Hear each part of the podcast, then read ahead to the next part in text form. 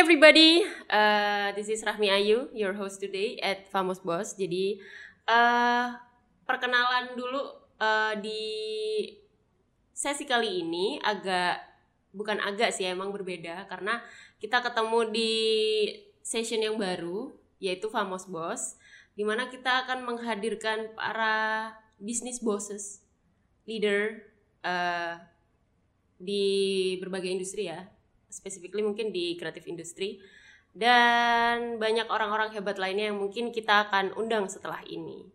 Cuman di episode pertama ini kita pengen karena ini kan pembuka ya, sakral gitu kan. Kita juga pengen ngundang orang yang sangat berpengaruh di Famos. Cile. berpengaruh nggak? Pengaruh ya? Harusnya. Oh iya. Ini dia. Jeng jeng. Jeng. Bapak Arman. Oh, lupa lupa. Eh, nggak ngomong Bapak ya. Kita ngomongnya casual aja karena kita teman sekelas ya kan. Jadi kita ngomongnya lu Arman, gua Ayu. Eh, Ai ya. Ai, Deal? deal. Oke. Gimana ha- kabarnya hari ini, Bapak Arman? Sehat sehat alhamdulillah. Sehat. Sehat tapi kok ngomongnya lesu banget. Sehat sehat alhamdulillah. Sehat, sehat. sehat sehat alhamdulillah alhamdulillah. Sehat Bu Ayu. Thank you. Oh kan, Bu Oh, iya, Ayu, sorry ya sorry kan? sorry. Sehat sehat Ai. Heeh. Sehat alhamdulillah. Anda gimana sehat? Anda? Aneh. Kamu gimana sehat? Iya. Sehat, sehat, sehat alhamdulillah. Iya. Apalagi pagi-pagi kerja Hmm. udah ditemenin orang yang paling penting dalam hidupku. Jadi lebih bersemangat lagi. Amin. Alhamdulillah. Oke. oke. Eh, kita pengen ngobrol yang santai-santai dulu, terus juga mungkin kita akan ngobrol eh ya ke arah yang mungkin kita semua bisa belajar gitu dari Bapak Arman. Waduh. Bapak lagi dari Arman gitu ya. oke, Jadi oke. Eh, aku juga jujur aku banyak belajar sih dari Hmm. bapak gitu. Nah rasanya kalau di keep sendirian kan nggak adil ya. Hmm. Jadi mungkin bisa teman-teman berbagi. Cuman ada pertanyaan pertama nih yang aku penasaran banget gitu. Mungkin teman-teman dekat kita juga tahu. Hmm. Arman itu orangnya cak-cek gitu ya. Orangnya itu eh, cekatan gitu. Apa sih yang bikin kamu itu lebih banyak kalau ada ide itu langsung eksekusi gitu daripada mikir lama. eh ya sebelumnya thank you thank you Ai udah ngundang eh, saya di sini ya untuk ngobrol bareng di Famous Boss but I think I'm not a boss You are. I mean, why, why, why we are ashamed to label us Iya as a enggak. Mak- maksudku maksud mas- maksudku ya mungkin bos itu kan mungkin maknanya bisa luas ya. Bisa bisa lebar ya. Dan dan aku lebih nyaman pada saat aku dipanggil leader aja sih. Bukan sebagai seorang bos karena ya maksudku ya it's okay lah. It's okay. Eh, terus untuk yang itu untuk untuk apa tadi pertanyaan? Cek cek ya? Cek cek itu cak cek itu sebenarnya itu yang ngawalin kenapa aku banyak taking action. Itu memang berdasarkan dari culture dari zaman kecil sih. Culture dari zaman kecil mungkin eh, culture zaman kecil itu yang menjadikan Arman di titik sekarang gitu karena culture culture dulu cukup keras sih. Maksudnya ayah cukup keras sih didiknya dan segala macam terus juga di SMA juga dulu sempet semi semi militer dan segala macam yang kita di Jadi di SMA mana? SMA 17 Palembang Oh jauh ya, Jauh. jauh. yo yo kita wong kita galau Oke oke. ya jadi Boleh lanjut? eh, itu itu yang menjadikan eh, saya pribadi lebih banyak eh, lebih lebih cepat lah maksudnya dalam taking action itu ya wis iki wis eh, boleh bahasa aja Boleh, campur mau Oh, bahasa campur. Inggris, Sunda, Jawa, Palembang. Eh, apa namanya maksudnya oke nggak usah banyak dipikir pikir itu nggak apa-apa karena karena untuk kita berpikir itu kan itu perlu ya sebelum kita sebelum kita me- me- apa namanya m- m- melaksanakan sesuatu gitu cuma ojo eh, sorry cuma It's jangan okay, it's okay. Oh, it's okay ya. Cuma jangan kebanyakan berpikir, kebanyakan merancang karena sesuatu itu tidak akan aku aku gak ngerti apa indikatornya sesuatu itu bisa dikatakan sempurna Hmm. gitu kan kayak kita ngomong produk aja produk itu kan update terus Mm. kayak sempurna itu nanti Oke. gitu kita So you tahu. are never change, uh, never chase uh, perfection gitu ya? Yap, yap, yap. Karena aku sendiri nggak ngerti kapan di titik puasnya kita gitu. Mm-mm. Itu sih Iya, I- iya. yang yang yang yang Tapi, aku. Uh. Boleh, aku, sorry aku potongnya. Hmm. Tapi kan kamu untuk di tahap uh, bisa le- ibaratnya tuh legowo kan? Hmm. Kamu, aku tahu kamu orangnya lumayan perfeksionis gitu. Hmm. And then sampai di tahap kamu stop chasing kesempurnaan itu buat apa yang bikin kamu akhirnya bisa oke aku tidak mengejar kesempurnaan tapi aku mengejar action action dulu Eh, sebenarnya banyak part sih. Banyak banyak part yang maksudnya dalam perjalanan itu yang bikin bikin bikin aku ngerasa bahwa eh, kita harus do action first gitu loh. Karena eh, kayak di masa perjalanannya kita dari Lightroom ke Famos ke ke dan sekarang saya bikin Agros gitu kan. Itu banyak banget hal yang saya pikir adalah itu karena saya melakukannya langsung oke Hmm, hmm. jadi bukan kita harus berpikir dulu sampai mateng banget, tapi akhirnya nggak kelakon gitu loh, nggak ke jalan gitu loh. Nah pengalaman-pengalaman itu yang akhirnya bikin aku eh, ngerasa bahwa eh, ya we have to do first gitu loh. Makanya benar kata Nike bilang just do it. You have to do it because because you have to do it, right? Ya, ya. Ya, tapi gitu. during your um, ngelakuin banyak hal itu do do do gitu tapi kan juga kamu pasti ada me- apa ya facing failures gitu menghadapi kegagalan-kegagalan Sure. itu kan Sure, but uh, we know uh, bahwa kita kerja itu bukan kita sendirian. Hmm. Kita kerja itu dalam sebuah tim, Hmm. gitu loh. Pada saat kita facing uh, failure, itu yang yang menghadapi kegagalan itu bukan cuma kita doang. Seluruh tim Seluruh tim. Kita bisa belajar dari situ. Nah, gimana cara kita nge-treat tim kita untuk paham dan mau belajar terhadap kegagalan yang terjadi untuk sebuah perusahaan? boleh dicontohin nggak For example gini deh. Kita kan Agros ini kan hitungannya teknologi company ya oke di bidang logistik gitu kan. Eh, banyak sekali pihak eksternal yang bersinggungan dengan kita. Kita ngomong user ya, user kita dan segala macam.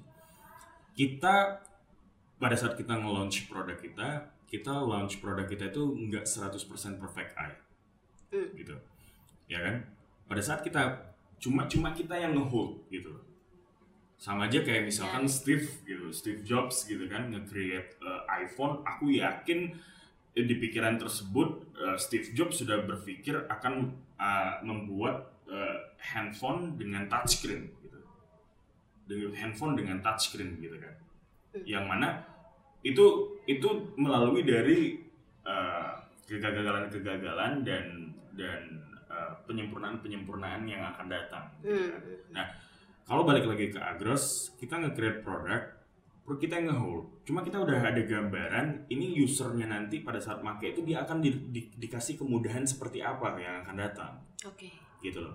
Nah, problem itu terjadi pada saat user merasa bahwa kok ini belum belum bisa ini ya, kok ini belum bisa ini ya, kok ini belum bisa ini oh ya. ya masih banyak kayak uh, bisa explore uh, apa itu fitur-fitur yang Fitur-fitur lain lain. tapi masih kepentok kok masih gini doang Ya, akhirnya kita nyob, ya, ya akhirnya kita nyebut itu problem loh. Mm-mm. sekecil apa pun komplainan user itu problem buat Iya. kita dan itu harus kita fix dan itu harus kita uh, selesaikan dengan cepat gitu loh Nah, jadi kita belajar dari situ sih akhirnya kita merasa bahwa yus kesempurnaan itu itu kayak bias gitu loh akhirnya karena ya gimana pun nobody's perfect ya nobody's perfect jadi lah. mungkin mindset kita yang mungkin uh, biasanya nih dimilikin sama anak muda gitu kita Hmm. ngejar perfection karena we feel like we want to fix Hmm. something Hmm. to be lebih better Hmm. version of us gitu Hmm.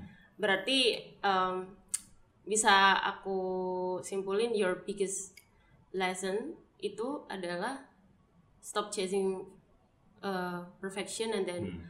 Accepting failures in your Mm-mm, life. mm-mm. Karena kan kadang orang tuh takut ya buat kayak nerima kegagalan. For example gini aja deh, karyawannya kita itu kan takut banget untuk melihat bahwa dia tidak perform di kantor gitu. Oke. Paham gak sih? Dan dia menampilkan yes, yang baik-baiknya lah. Hmm. But kita nggak nemu problemnya di situ. Kita nggak bisa belajar Iya, di situ. iya, Karena iya. itu tertutupi gitu loh. Nah, akhirnya yang harus kita lakukan sebagai leader itu adalah membuat ini keterbukaan semaksimal mungkin. Kamu salah nggak apa-apa, nggak akan tak ini segala macam. Kita belajar bareng. Tapi how to make your team trust gitu kayak beneran kamu ngomong kayak nggak apa-apa, kamu bikin salah tuh nggak apa-apa gitu. Tapi kan kayak beneran tah nanti kalau aku tetap aja aku bikin salah, lu marah kan? eh salahnya gimana dulu Bu Ayu? Eh, nggak- yang simpel-simpel aja gitu.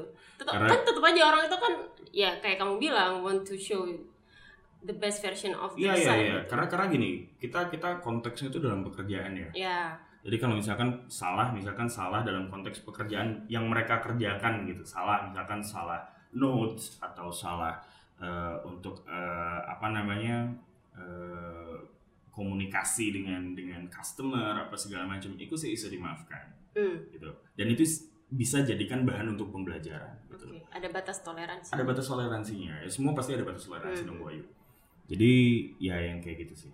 tetap aja ya mulutnya udah kebiasaan ngomong Bu Ayu ya kalau Ayu, formal Ayu. gini Ai ai. ya udahlah nggak apa-apa saya enaknya aja oke Oke. eh, oke oke nah tadi kan udah disebut nih agros Hmm. agros gitu Hmm. tapi mungkin eh, viewers atau listener kita itu Hmm. belum tahu betul apa sih agros gitu kan mungkin teman-teman deket aja yang tahu boleh cerita dulu di awalan em, agros itu apa? Dan apa ya? Kenapa kok well kenapa kok eh, kamu bisa bisa meninggalkan job kamu yang lama as a designer gitu ya kan? Maksudnya background kamu kan as a designer nih. Hmm. and then you decide untuk move Hmm. and mengembangkan agros. Apa sih agros nih gitu? Kenapa kok sampai kamu tuh bisa uh, having a decision untuk leave your designer job? Sebenarnya eh, designer itu actually sebenarnya title designer itu ya bisa dibilang itu ya pedot-pedot gak pedot ya. Karena pada saat kita bikin Lightroom pun juga aku udah banyak gak ngedesain gitu kan. Hmm, ya. jadi aku lebih mikirin gimana caranya ini sustain gimana caranya ini menghasilkan gimana caranya mikir ini strateginya untuk kita mendapatkan project terus yes, anything else lah kayak gitu Eh, jadi ya sebenarnya sih kalau misalkan dikaitkan dengan label designer sih ya bisa dibilang sih label designer itu wis pedot gitu loh pas dari sel- awal kamu bikin Lightroom tuh Lightroom. you are not a designer Iya. anymore oke Iya, karena di Lightroom pun juga aku kan eh, as a leader ya. Jadi eh, aku nge-create Lightroom dan segala macamnya. Cuma ya, ya itu aku harus kan setiap eh, apa yang kita lakukan pasti ada yang di-sacrifice sih. Ya kan? oke Dan kayak aku sacrificing untuk gila ngedesain itu enak banget loh aslinya. Maksudnya Hmm. Iya iya. iya kayak kayak mungkin Ayu tahu Ayu tahu mungkin kayak misalkan aku seneng kayak eh, lukisan-lukisan ataupun ya apa pun itu gitu loh Eh, cuma ya ya s- ada satu yang harus disacrifice lah Mm. mungkin aku hanya bisa menjadi penikmat gitu loh tapi untuk teknisnya itu udah nggak bisa mungkin kalau disuruh ngedesain sekarang udah hancur mungkin cuma saya bisa membedakan gitu No no no, nggak Ya. hancur loh. Kamu kan masih yang bikin logo agros kamu kan? FYI. Iya iya iya iya karena karena iya itu banget sih. Cuma cuma ya itu sih maksudnya eh, nggak bisa yang se expert itu gitu loh Hmm. untuk mendesain gitu loh. Berarti kan ada something yang lebih menggiurkan daripada menjadi desainer gitu kan? Iya kan? Hmm. Apa tuh? Sesuatu yang menggiurkan. Iya, I mean kan kamu bilang jadi desainer tuh enak, Ya, iya kan? ya, ya. tapi you choose to not. Ya banyak banyak banyak yang bilang sama sama saya boy nggak tahu ini rada muna atau rada naif dan segala macam. Banyak yang bilang sama saya, kenapa sih man kamu banyak banget buka peluang gitu, Peluang apa? Eh, peluang usaha. Ah, oke. gitu. Kenapa saya membuka peluang usaha? Karena saya tidak pernah menawarkan peluang yang ada di depan mata saya. Ah, that's Oke. a good point. ya jadi eh, dan saya pun juga merasa bahwa Arman pengen jadi Arman yang sangat berguna untuk di orang-orang sekitar Arman gitu loh Hmm. ya maksudnya rezeki rezeki itu akan datang lebih banyak pada saat kita membuka banyak keran rezeki yang lain Hmm. Itu pesan dari ibu saya sih. Oke.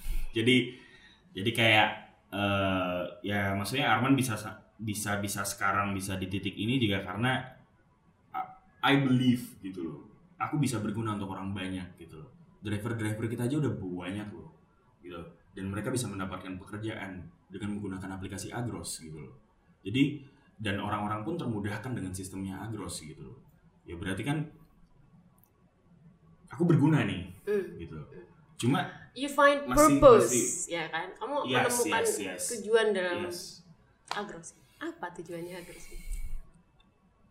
Sebenarnya sih kita sih eh, eh, tujuan kita itu mungkin sama kayak tujuannya Famos juga ya, lebih ke pemerataan eh, skala ekonomi ya.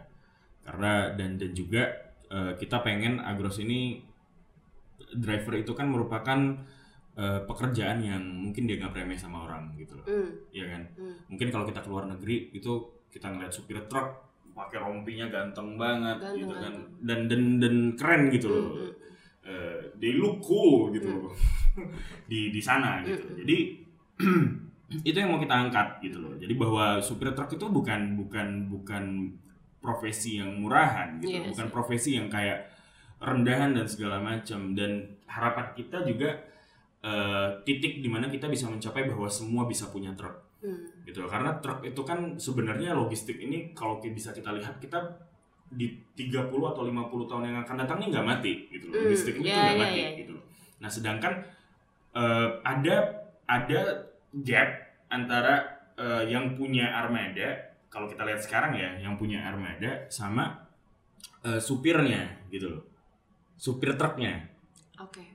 Gitu loh Mungkin jadi banyak yang nggak tahu juga ya. Jadi Hmm. yang eh, pat- jadi driver truknya itu belum tentu belum tentu punya truknya. ya belum tentu punya truknya padahal kalau dia bisa mempunyai truknya itu maintenance-nya dia bisa lebih atur Hmm. gitu kan karena kadang pun pemilik armada pun juga karena si driver ini tidak mempunyai rasa memiliki terhadap armadanya makanya sekenanya Iya, iya. gitu loh nah kita ingin kita kalau mungkin kalau saya pernah ngobrol sama Ai beberapa hari yang lalu gitu loh kita pengen menjadikan mereka hero-heronya kita. Hmm, gitu loh. Hmm, mereka ini hero-heronya kita loh. Hmm, Eh, cuma yo saya bantu guide. Hmm. gitu. Itunya sih. Right Oke, interesting karena eh, tadi sempat di mention juga kan Hmm.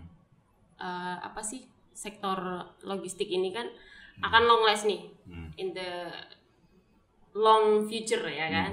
Hmm. Why? ya eh, konsum konsumsi kalau kita melihat konsumsi ya eh, kita kan ini agros ini mainnya kan di raw material which means kita ngarahnya di input ya kalau fast moving uh, consumer goods itu mainnya udah di output oke Iya. barang-barang yang tercipta di output itu harus ada inputnya dulu Hmm, nah raw material. raw material itu tadi raw material itu kan banyak pasir, klinker, terus Hmm. jagung, beras dan segala macam itu kan itu raw material tuh, Iya, iya. ya kan? Nah cuma untuk distribusinya apakah semua itu eh, lewat laut, apa lewat udara? It's costly, right? Hmm, Dan kita hadir dengan kita lewat jalur darat gitu loh. Dan pada saat ini mah jalur darat ini masih ada sampai ya pasti masih ada Bayu hmm. dan dan selama supply chain ini juga masih terus berputar ya kita tetap ada Hmm. gitu Berarti solusi apa nih yang pengen di solve oleh Agros? I know that ya Agros is not the only, like, eh, maksudnya nggak logistic Subsidi. technology company Iya kan, ada ada yang lain. Apa nih yang pengen di solve oleh Agros? ya eh, pertama kayak yang tadi saya sebutkan eh, yang mau kita solve itu di bagian input Hmm. inputnya ini yang mau kita solve Karena banyak problem di situ. banyak problem di situ dan dan banyak juga kita ngobrol sama beberapa uh, partner dia bilang di di part ini memang ini strong pointnya Agros gitu loh. Hmm, jadi pengen fokus di situ. Sementara ini kita fokus di sini. Oke. Cuma nggak menutup kemungkinan untuk kita menjamah area lainnya ya. Oke. Jadi nggak menutup kemungkinan kita juga menjamah di area input dan segala Hmm, macam. hmm, hmm. Dan ya seperti itu sih kurang lebihnya sih untuk saat ini ya yang bisa saya share ya. Tadi kan kita akhirnya mencolot agak lumayan ya. Kan langsung ke agros nih to the point. Hmm. Agak flashback sedikit boleh ya? Boleh boleh. Boleh. Kan tadi juga udah diceritain tentang Hmm. um, you live a designer job sebenarnya udah dari awal Lightroom. Hmm. Jadi agros ini bukan bisnis pertama kamu, Bukan. right? Bukan. And then pasti di bisnis sebelumnya ada pelajaran berharga kan ya kamu Banyak. dapetin yang Banyak. eh, bikin kamu mungkin lebih percaya diri atau tidak mengulangi kesalahan yang sama Hmm. atau apa. Hmm. Boleh boleh tahu nggak? Apa sih maksudnya dari your past Ya. job itu Iya. pelajaran apa yang kamu dapat?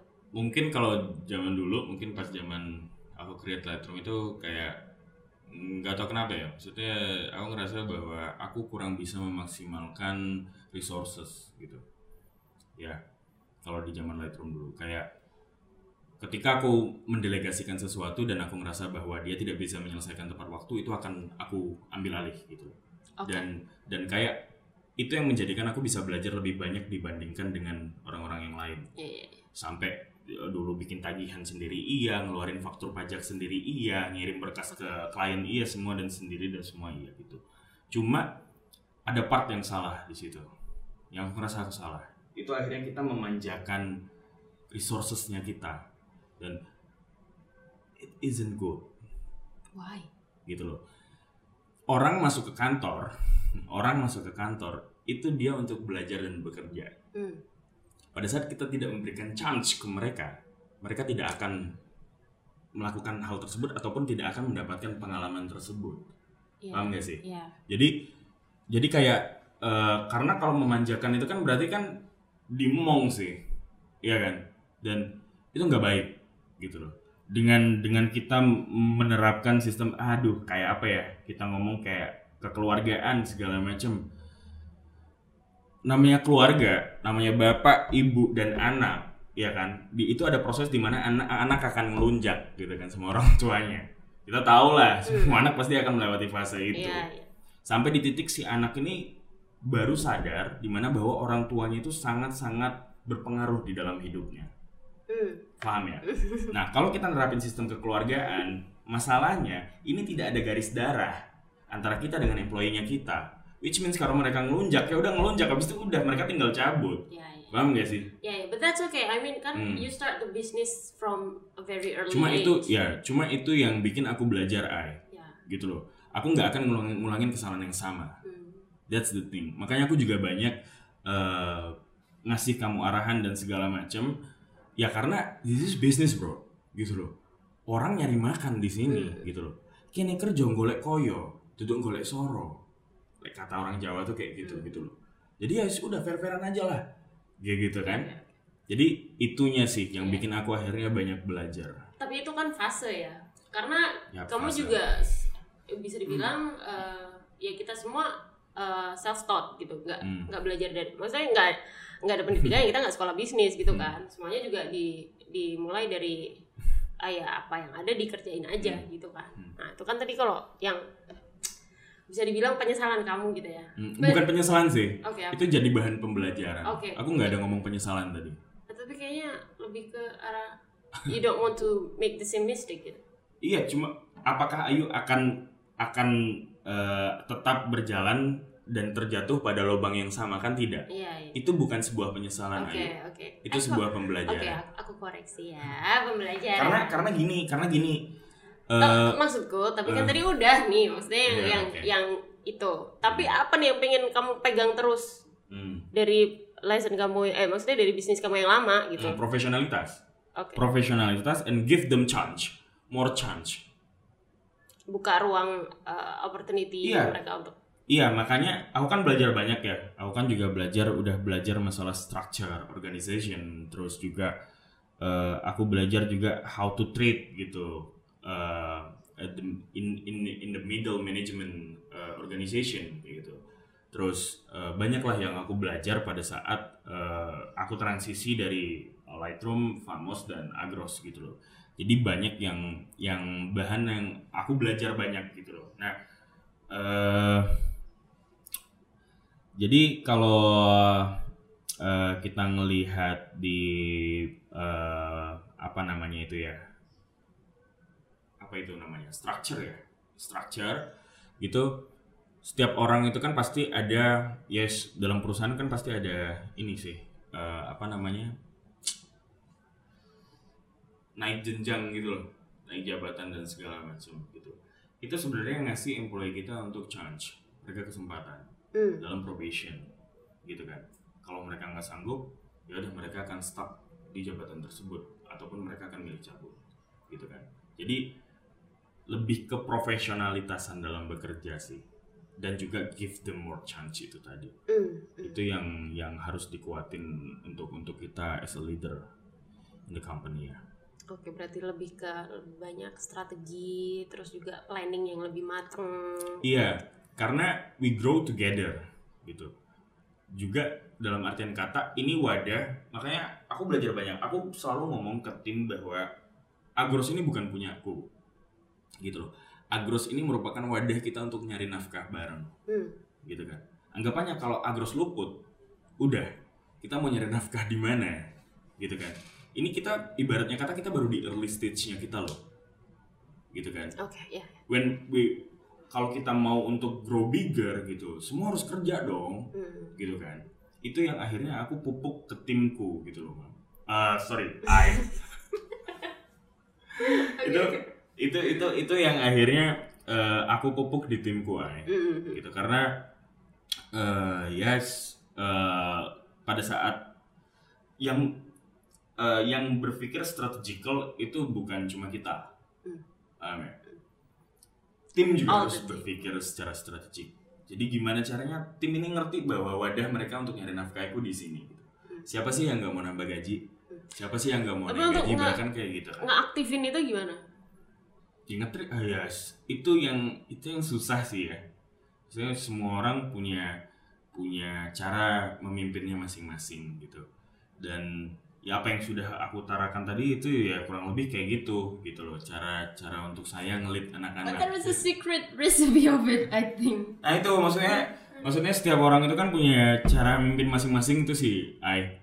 Ah, terus kayak memimpin Arman tuh kayak gimana? Wah itu repot sih. Aku tuh keras-keras nggak keras sih bingung juga aku mau maksudnya aku susah gitu loh ay kalau kamu nyuruh untuk aku menilai ataupun uh, secret kalau ngomong uh, resep rahasianya. Tadi udah kan udah saya bilang profesionalitas give them more chance. Cuma kalau kan, misalkan itu kan masih di lapisan atas bro. Uh, susah sih aku ngomongnya sih.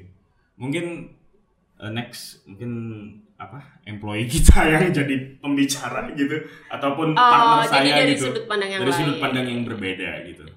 Ya bukan dari ini sudut pandang gitu. oke. Oke oke.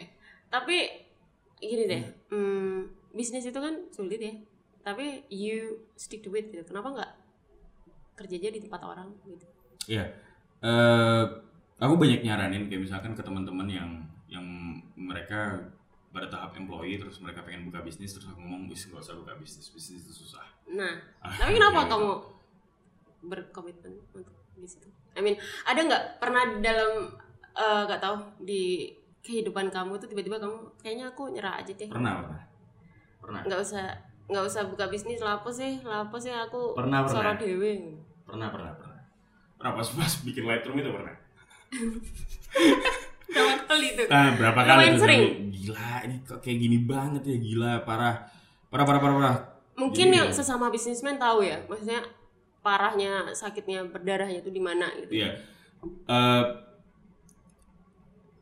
orang itu kan pada saat mereka ingin berbisnis mereka itu secara nggak langsung harus mau untuk dihadapkan dengan untung dan rugi mm. Iya kan nggak selamanya kamu untung nggak selamanya nggak selama ya maksudnya uh, yang kita lihat kan bagus-bagusnya ya nah, kayak bisa kaya kapan nah, aja gitu. kalau kamu ngomong kenapa akhirnya kamu memutuskan untuk berbisnis karena aku siap untuk menghadapi itu ah. kayak gitulah kurang lebihnya kayak gitu, oh. gitu. oke okay. Ya ya ya ya ya. Ya, ya. kurang lebih sih kayak gitu maksudnya Tapi kan berarti nggak ada yang jorokin kamu untuk jadi businessman kan? Kamu melakukan itu dengan sukarela. sukarela karena itu aku ngeliat peluang aja sih di depan mata sih makanya kayak kayak ada cerita bagus nih ya jadi aku kan sangat suka dengan dengan dua dua tokoh ini ya Siapa tuh? Um, Bill Gates sama Steve Jobs kan aku Oh, suka wow. banget nggak nggak tahu kenapa aku suka oh wow Kayak aku nggak kaget gitu. I think Nggak. everyone adored them. Iya, jadi ada cerita bagus nih ya. Ini yang bikin aku pelajaran bahwa anjrit nih kena banget nih. Eh boleh nggak sih ngomong Ya udah kejadian, udah kejadian ngomongin. Itu jadi kayak gini. Pada saat dia dia eh, jadi narasumber di sebuah media berita gitu, si Bill ini, si Gates itu dia eh, ditanyain. Kayak kamu tadi nanya deh. Hmm.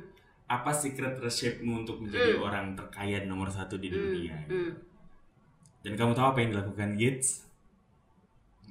Kayaknya aku tahu tapi lupa. dia ngeluarin cek terus dia tanda tangan tuh blank check dia kasih ke Ah, reporternya gitu terus reporternya bilang ini buat apa gitu loh aku nggak butuh ini gitu loh yang aku butuhkan adalah apa resepnya buat kamu jadi orang terkaya di dunia? Hmm, hmm, hmm. dia keluarin lagi blank check di tanda tangan nih dia kasih ke reporternya. Dirobek itu sama reporternya. Terus Gate bilang kayak gini resepku adalah itu tadi. Aku tidak pernah menyanyiakan peluang yang ada di depan mata. Ah, pada saat aku menerima cek itu tadi, mungkin aku akan menjadi reporter paling kaya di dunia saat ini. ya, ya, ya, ya, ya. Soalnya mungkin ya, mungkin memang kayak orang let's say ya regular people gitu ya. Kita kan tidak terbiasa untuk mengambil risiko dalam hidup, ya kan? Maybe berarti yang what makes someone as a good leader or a businessman, a good businessman itu karena dia take semua peluang yang ada di depan dia beserta risikonya. Serta resikonya mau nggak mau kan? Ya nggak Mau mau mau. enaknya doang kan nggak bisa Nggak ya. bisa karena eh ada bapak saya itu ngomong ke saya gini, Hmm. selama manusia hidup itu akan bertemu dengan masalah. Sampai kamu mati itu ada masalah. Nah sebenarnya manusia hadir itu di dunia adalah sebagai problem solver. Hmm. ya kan ada masalah akhirnya kamu men- mencari solusi untuk menyelesaikan masalah Hmm, tersebut hmm, ya kan nah jadi sebenarnya kalau kamu nih kalau misalkan kita dari segi employee pun employee pun juga ada risiko loh hmm, gitu Hmm. Cuma ya seberapa besar ataupun seberapa baik kamu bisa mengambil. dan mengambil tindakan untuk problem tersebut. Iya iya iya. tapi pernah nggak kepikiran eh, untuk mungkin aku cukup 20 tahun aja jadi um, entrepreneur. Nanti aku mau jadi karyawan aja ngikut sama orang. Ehm, enggak sih silly question sorry. Enggak aneh sih itu itu pertanyaan aneh sih. Enggak cuma enggak enggak maksudnya eh, to be honest aku Hmm. itu akan selalu maksudnya personally aku itu ada apa ya kayak mikir kayak gitu ya? kepentok sama realita kayaknya. Hmm. if I were an employee aku Hmm. akan uh, bisa lebih better dari ini. Maksudnya aku bisa perform as as a good employee eh, employee gitu ya kalau mudah kamu nggak sih? Mudah-mudah kalau kamu bisa bisa perform as a good employee berarti kamu juga bisa perform as a good entrepreneur. Paham nggak sih? Hmm Iya Oke. itu itu itu sebenarnya tuh pilihan sih gitu loh. Pada saat kamu sudah memilih jalan ini ya dijalani saja. Hmm. nah, cuma kalau aku mikir sih eh, kalau kita entrepreneur itu kayak eh, nggak tahu ya mau sampai kapan itu nggak tahu sih. Saya mau sampai eh, kapannya itu selesai itu itu nggak tahu sih. Oke target terdekat Agros apa? Target terdekat Agros? Iya. Eh, kita sampai di seluruh cakupan area Jawa sih. Area Jawa? Oh Hmm. ya Agros ini kan baru dua tahun ya? Eh, one and a half. One and a half not even two years gitu. Tapi eh mungkin boleh di share achievementnya Agros so far and then what your next Hmm, um, ambition kayak mau ke mana lagi gitu Agrosnya. Mm-mm. Eh, kita mikirnya tuh kita pengen nge-create ekosistem yang bagus ya di bagian logistik gitu. Makanya kita eh, butuh banyak tangan gitu loh untuk bantu kita eh, memperbaiki sistem logistik yang ada di Indonesia gitu kan. Em, ambisi kita tuh ke sana, Bu Ayu. Eh, kalau apa yang udah kita dapat sekarang itu ya s- kita ngerasa bahwa perusahaan kita grow gitu kan dengan dengan banyaknya silih berganti orang yang masuk dan segala macam terus juga eh, penambahan resources juga terus juga pengembangan data kita juga dan segala macam dan juga kalau di bagian customer kita sudah banyak juga eh, kerabat shipper kita yang mau join ke Agros gitu loh. Eh, dan transporter pun juga seperti itu baik itu juga di di driver juga seperti itu. Kalau mau ngeliat traction kita cek di website kita aja mungkin ya. Mm, oke. Cuma- di www.agros.co.id .co.id hmm, sekalian promosi lah ya. Nah, ya, boleh. Gitu. Karena eh, ya kita memang di start dari bulan ini sampai eh, di quarter ini quarter akhir di tahun 2021 ini kita memang lagi gencar-gencarnya promosi gitu loh. Makanya eh, kita dengan senang hati pada saat ada yang mengundang kita untuk men- menjadi eh, narasumber gitu loh. Karena secara nggak langsung kan kita mempromosi Nagros kan ya gitu. Makanya di dari start dari bulan ini sampai bulan Desember itu eh, marketingnya kita lagi eh, kejar-kejaran target sih untuk untuk promosi Nagros. oke jadi fokus untuk di tahun depan apa? Eh, fokus eh, oke. Kalau sementara ini eh, kerabat shipper kita itu eh, bisa mengakses itu kan lewat eh, desktop ya. Jadi oke. target di tahun 2022 itu eh, semua shipper yang butuh untuk eh, mencari armada itu udah bisa lewat aplikasinya kita. Oke jadi nanti bisa diakses lewat aplikasi. mobile. Dan semua lini bisnis kita eh, sudah on. Jadi kalau sekarang itu kan kita ada yang udah kita apa liatin di website kan itu ada Agros shipper, transporter, driver, shop sama workshop gitu kan.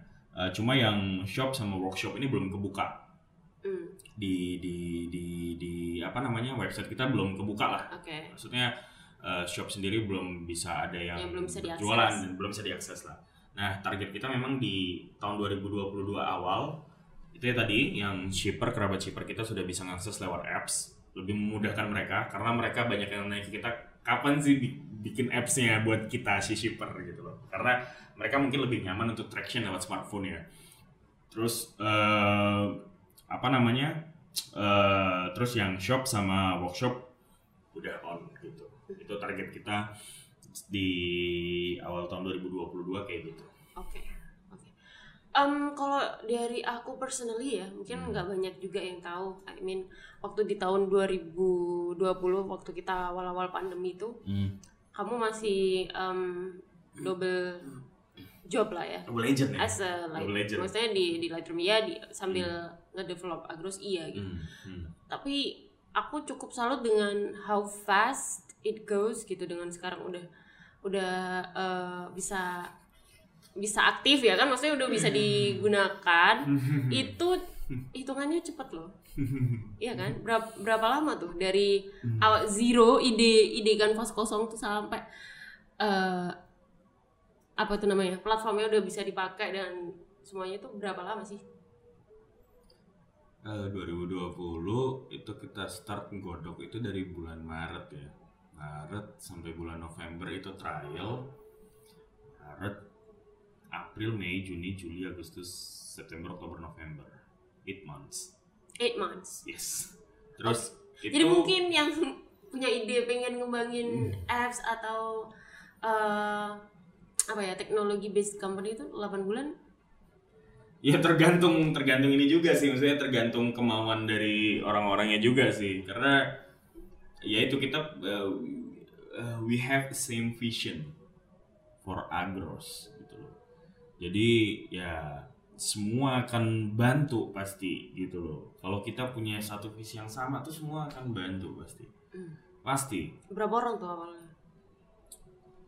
Saya Pak Iwan, eh, Firman, terus eh, oh ya ada yang lucu, eh, wi- nggak usah nggak nggak jadi deh Kenapa nggak jadi? Hmm, Sebutin jadi lah yang lucu tuh justru jadi ketawa. jadi Firman ini sebenarnya itu eh, belum masuk gitu di Oke. tahun 2020. Dia Kamu akuisisi. dia, dia enggak akuisisi sih, cuma dia vendor sih awalnya itu. Oh, Oke.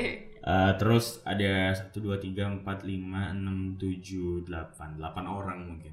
8 orang as the beginning. Hmm, Hmm. per orang di Dan itu udah optimal ya? Apakah maksudnya idealnya tuh berapa?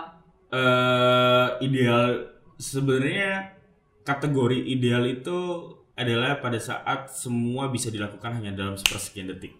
Oke. Itu Jadi mauku ya. kalau bisa dari 8 bulan yang kemarin itu kamu develop itu bisa tiga bulan ya selesai. Satu bulan kalau bisa. Oh, wow. Udah selesai. Oke. Itu itu harapanku tuh kayak gitu karena Terus dengan tim yang Hmm. sekarang udah bisa tuh. Maksudnya dengan oh mangkas jauh. Jadi itu. kalau untuk dari tim yang sekarang, tim yang sekarang juga bukan belum seberapa banyak juga kan. Cuma eh, tim IT kita udah cukup banyak gitu. Eh dari yang mungkin kategori bisa dalam selesai dalam 5 atau enam bulan, ini bisa halnya dalam waktu dua bulan atau satu bulan sih. Hmm. Tergantung case-nya ya. Gitu. Oke. Berarti ta- ada tantangan baru ya di di Agros. your new company ya, I mean di Agros. Banyak sih. Banyak tantangannya sih. Ya kan maksudnya secara background kamu berarti kan juga learning by doing lagi tentang teknologi.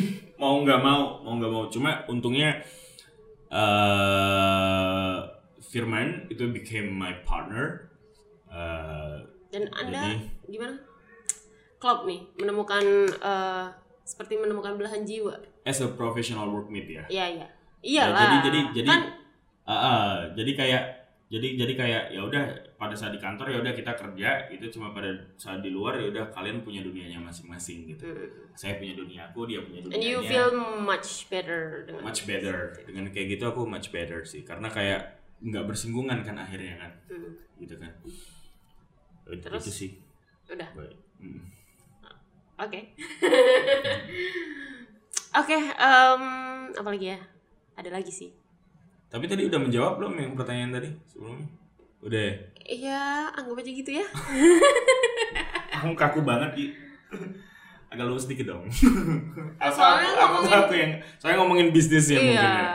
Iya, iya, iya. Nggak, tapi sebenarnya kalau kita ngomong nggak ada kamera dan direkam lebih santai ya kayaknya. Lebih santai kayaknya. Ya mungkin karena ini pertama kali ya. Nanti mungkin kita coba Iya, iya, eh, episode 1 gitu. eh, apa part 2, part 3, Hmm, part 4. hmm, hmm, Em, Oke.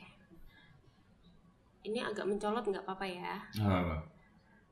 Tadi udah kita bahas tentang agros dan segala macem. Now, ini pertanyaan em, penutup.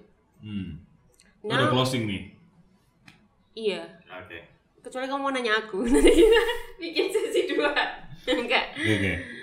Em, bisa dibilang kan kamu ini masih belum even 30 ya. Aku bahkan dulu masih inget kamu tuh punya ambisi. Aku pengen nih Verbus 30 under 30. Now I know it's not anymore, right? Nah, tapi kamu masih belum 30 nih, ya kan? Masih late 20 Nine. ya. Hmm. Nah, eh apa pencapaianmu yang pengen kamu capai before you turning 30? Ooh, it's.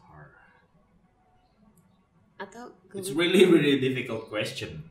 is it Mungkin ya. atau kamu udah nggak ada ambisi lagi maksudnya udah maksudnya di umur aku waktu umur 20-an ambisiku udah kecapai di umur 29 ini Ehm, sebenarnya sih aku nggak nggak akan stop buat buat aku belajar sih.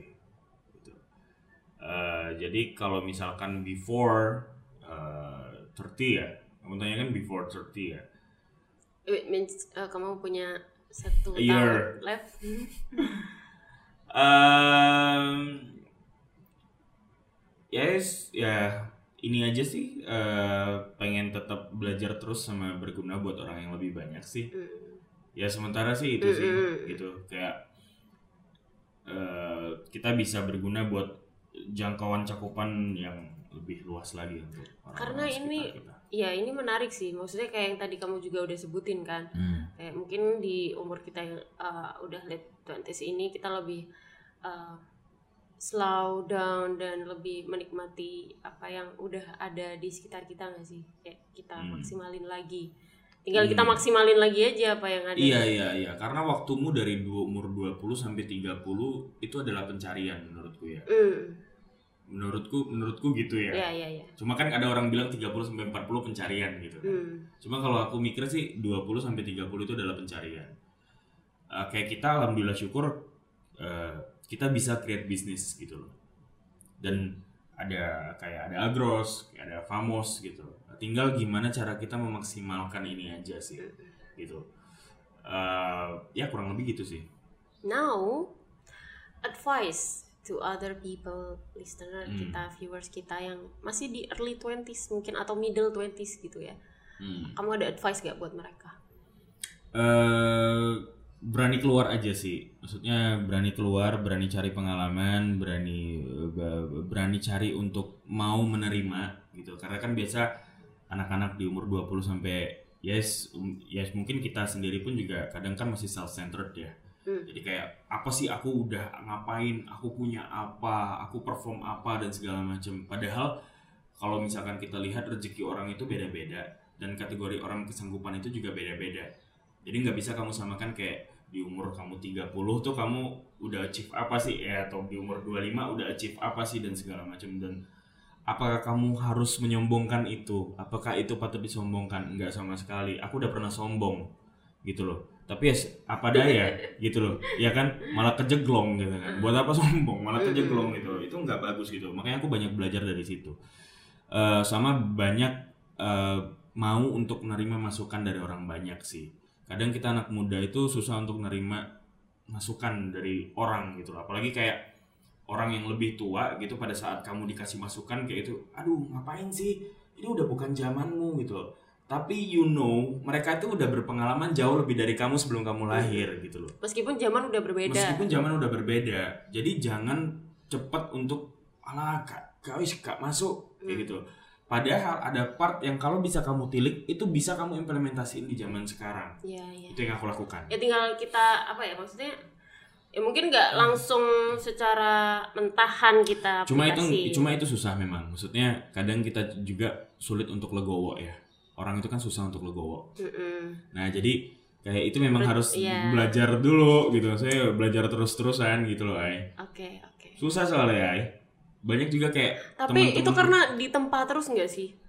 Dan mau apa enggak kamu gitu loh. Banyak juga kayak teman-teman kita datang gitu terus nanya nanya ke aku ngobrol sama aku dan segala macam tapi ya kalau mereka nggak menerima dan tidak untuk mem- tidak mau membuka ya sama saja gitu loh. Tidak membuka diri untuk belajar. Mm-mm, nggak mau nerima masukan dan segala macam sama aja gitu loh. Mm. akhirnya masuk kuping kanan kan keluar kuping kiri kan. Mm. jadi itu sih. Itu kurang lebihnya gitu sih advice untuk anak-anak muda zaman sekarang sih. Oke. Maksudnya harus belajar orang yang banyak berani eh, apa berani eh, apa ngambil resiko terus juga kalau bisa terima banyak masukan dari orang banyak Iya iya iya, aku pernah lihat Gary V itu dia ngomong Hmm. ada dia ngomong waktu dia ketemu umur anak orang eh maksudnya orang umur 20-an, Hmm. dia ngomong, "Kamu umur 20-an terus kayak takut apa kayak udah wasting your time." No, kamu masih punya waktu yang panjang Masih. untuk belajar. Belajar aja sebanyak-banyaknya dan gagal itu nggak apa-apa. nggak apa-apa Oh, karena kamu masih muda, Bro. masih muda makanya sel- selagi orang bilang kayak di umur 20 sampai 30 itu belajar dulu gagal dulu nggak apa-apa gitu nggak loh. apa-apa. orang tuh Oke. takut gagal Actually you Orang- don't have to prove anything gitu. ya oh, iya ha- harus di apa sih yang di proof gitu loh paham nggak sih Iya iya ya ya anak muda dong. Anak muda. Nggak sih? Iya, kayak Colonel Sanders aja deh nemuin secret resepnya untuk uh, Kentucky Fried Chicken kan dia udah berapa banyak ini dulu uh, apa namanya ngeluarin resep-resep ayam-ayam dulu. Ya jadi nggak usah takut. Gak usah Oke. takut sih. Oke. Kali-kali kan kamu disponsorin sama KFC ntar sama Nah. Sean Gilile. Iya. Nanti kita undang ke sini ya. Iya iya iya iya. Itu bagus itu afirmasi buat kita Ah. supaya nanti ada orang-orang yang lebih besar-besar lagi yang bisa Ya, kita mungkin undang. bisa kita famos jawab. ex kue kan nantinya. Who knows? Iya. Agak mikir ex oh ya ex. Kue. Kui. Kue kue oke. kue. Oke, kan nggak apa-apa. Small step matter, right? Right. Oke, thank you banyak eh, Mas Arman hari ini waktunya Eh kita anyway katanya kalian ini next Apa? year akan pindah kantor ya. loh ya doanya aja ya lancar-lancar rezeki kita. Oke oke oke oke. Oh, oh ya, nah, itu perkara kantor baru itu nanti em, juga ada fasilitas menarik buat talent-talent yang famos nanti. Oh iya. Mm-mm. Wow wow wow wow. wow. wow. Keren keren keren keren. Iya. Cuma, Doain aja cuma bisa nggak sih? Maksudnya kita kolaborasi lebih jauh gitu nanti pada saat kalian pindah ke kantor baru. Of course kan ya nggak cuman buat agro sih, maksudnya Hmm. buat semua brand owners, brand leader di luar sana. Hmm. Kalau kita sih sekarang lagi pengen membuka opportunities besar-besarnya untuk wadah komunikasi, wadah kolaborasi dan sebagainya. Kita coba apa yang works aja buat kita gitu. Thank you banget Mas Thank you, Arman. thank you, thank you, Hari ini baik. kita podcastnya dibuka dengan pelajaran legowo dan ditutup juga dengan pelajaran legowo. Legowo. Luar biasa. Berarti Bapak Arman ini sungguh legowo. Iya karena karena gini kadang itu kan orang itu kan pada saat ada problem dipikir terus itu tuh karena dia nggak bisa legowo dulu kamu pada saat kamu legowo kamu bisa buka pikiranmu itu lebih banyak sebenarnya. Tapi itu susah untuk di di, di Tapi itu susah. Itu susah. Oke. Itu, itu susah, Pak. Oke. Kayak itu. Maksudnya contoh kayak gini aja deh. Eh, ada dulu yang bikin aku belajar untuk untuk coba untuk legowo gitu kan. Jadi pada saat eh, visaku ditolak. wow, udah nabung segala macem, deposit segala macem gitu kan. Mm-mm. Jebret ditolak visanya. Terus- habisnya banyak banget ya itu di atas Ah. 10 juta ya. terus terus habis itu kayak aduh nggak nggak nggak bisa nih akhirnya berangkat dan segala macam terus tapi di situ akhirnya aku belajar kan Hmm, terus mungkin ya. Tuhan akan memberikan hal yang indah nanti di depan Hmm. dan yes ya, akhirnya kan bisa ke mana-mana kan Hmm. sekarang kan cuma gara-gara pandemi aja gitu nggak, nggak bisa ke mana-mana apa sih, bisa Pak, judulnya? pandemi Oke oke. aduh Oke, thank you ya Ya, Pak ya. sehat selalu ya Mbak Kita I dan timnya kita minum dulu ya Pak ya. Oke, silakan. Oh, saya juga. Bapak nggak minum? Oh, saya juga. Oke, Ini oke. teh Hmm. dipetik dari perkebunan Famos. Oh, wow. Enak tehnya. Thank you guys. Be the change. Oke, terima kasih yang sudah Oke. mendengarkan podcast kita hari ini dan melihat mungkin di YouTube kita jangan lupa di subscribe. Terus juga follow Instagram kita mungkin ya hmm. di Famous Company dan di Agros Agros Indonesia. Agros Indonesia Agros hmm. Indonesia. Indonesia. Terima kasih semuanya. Yo,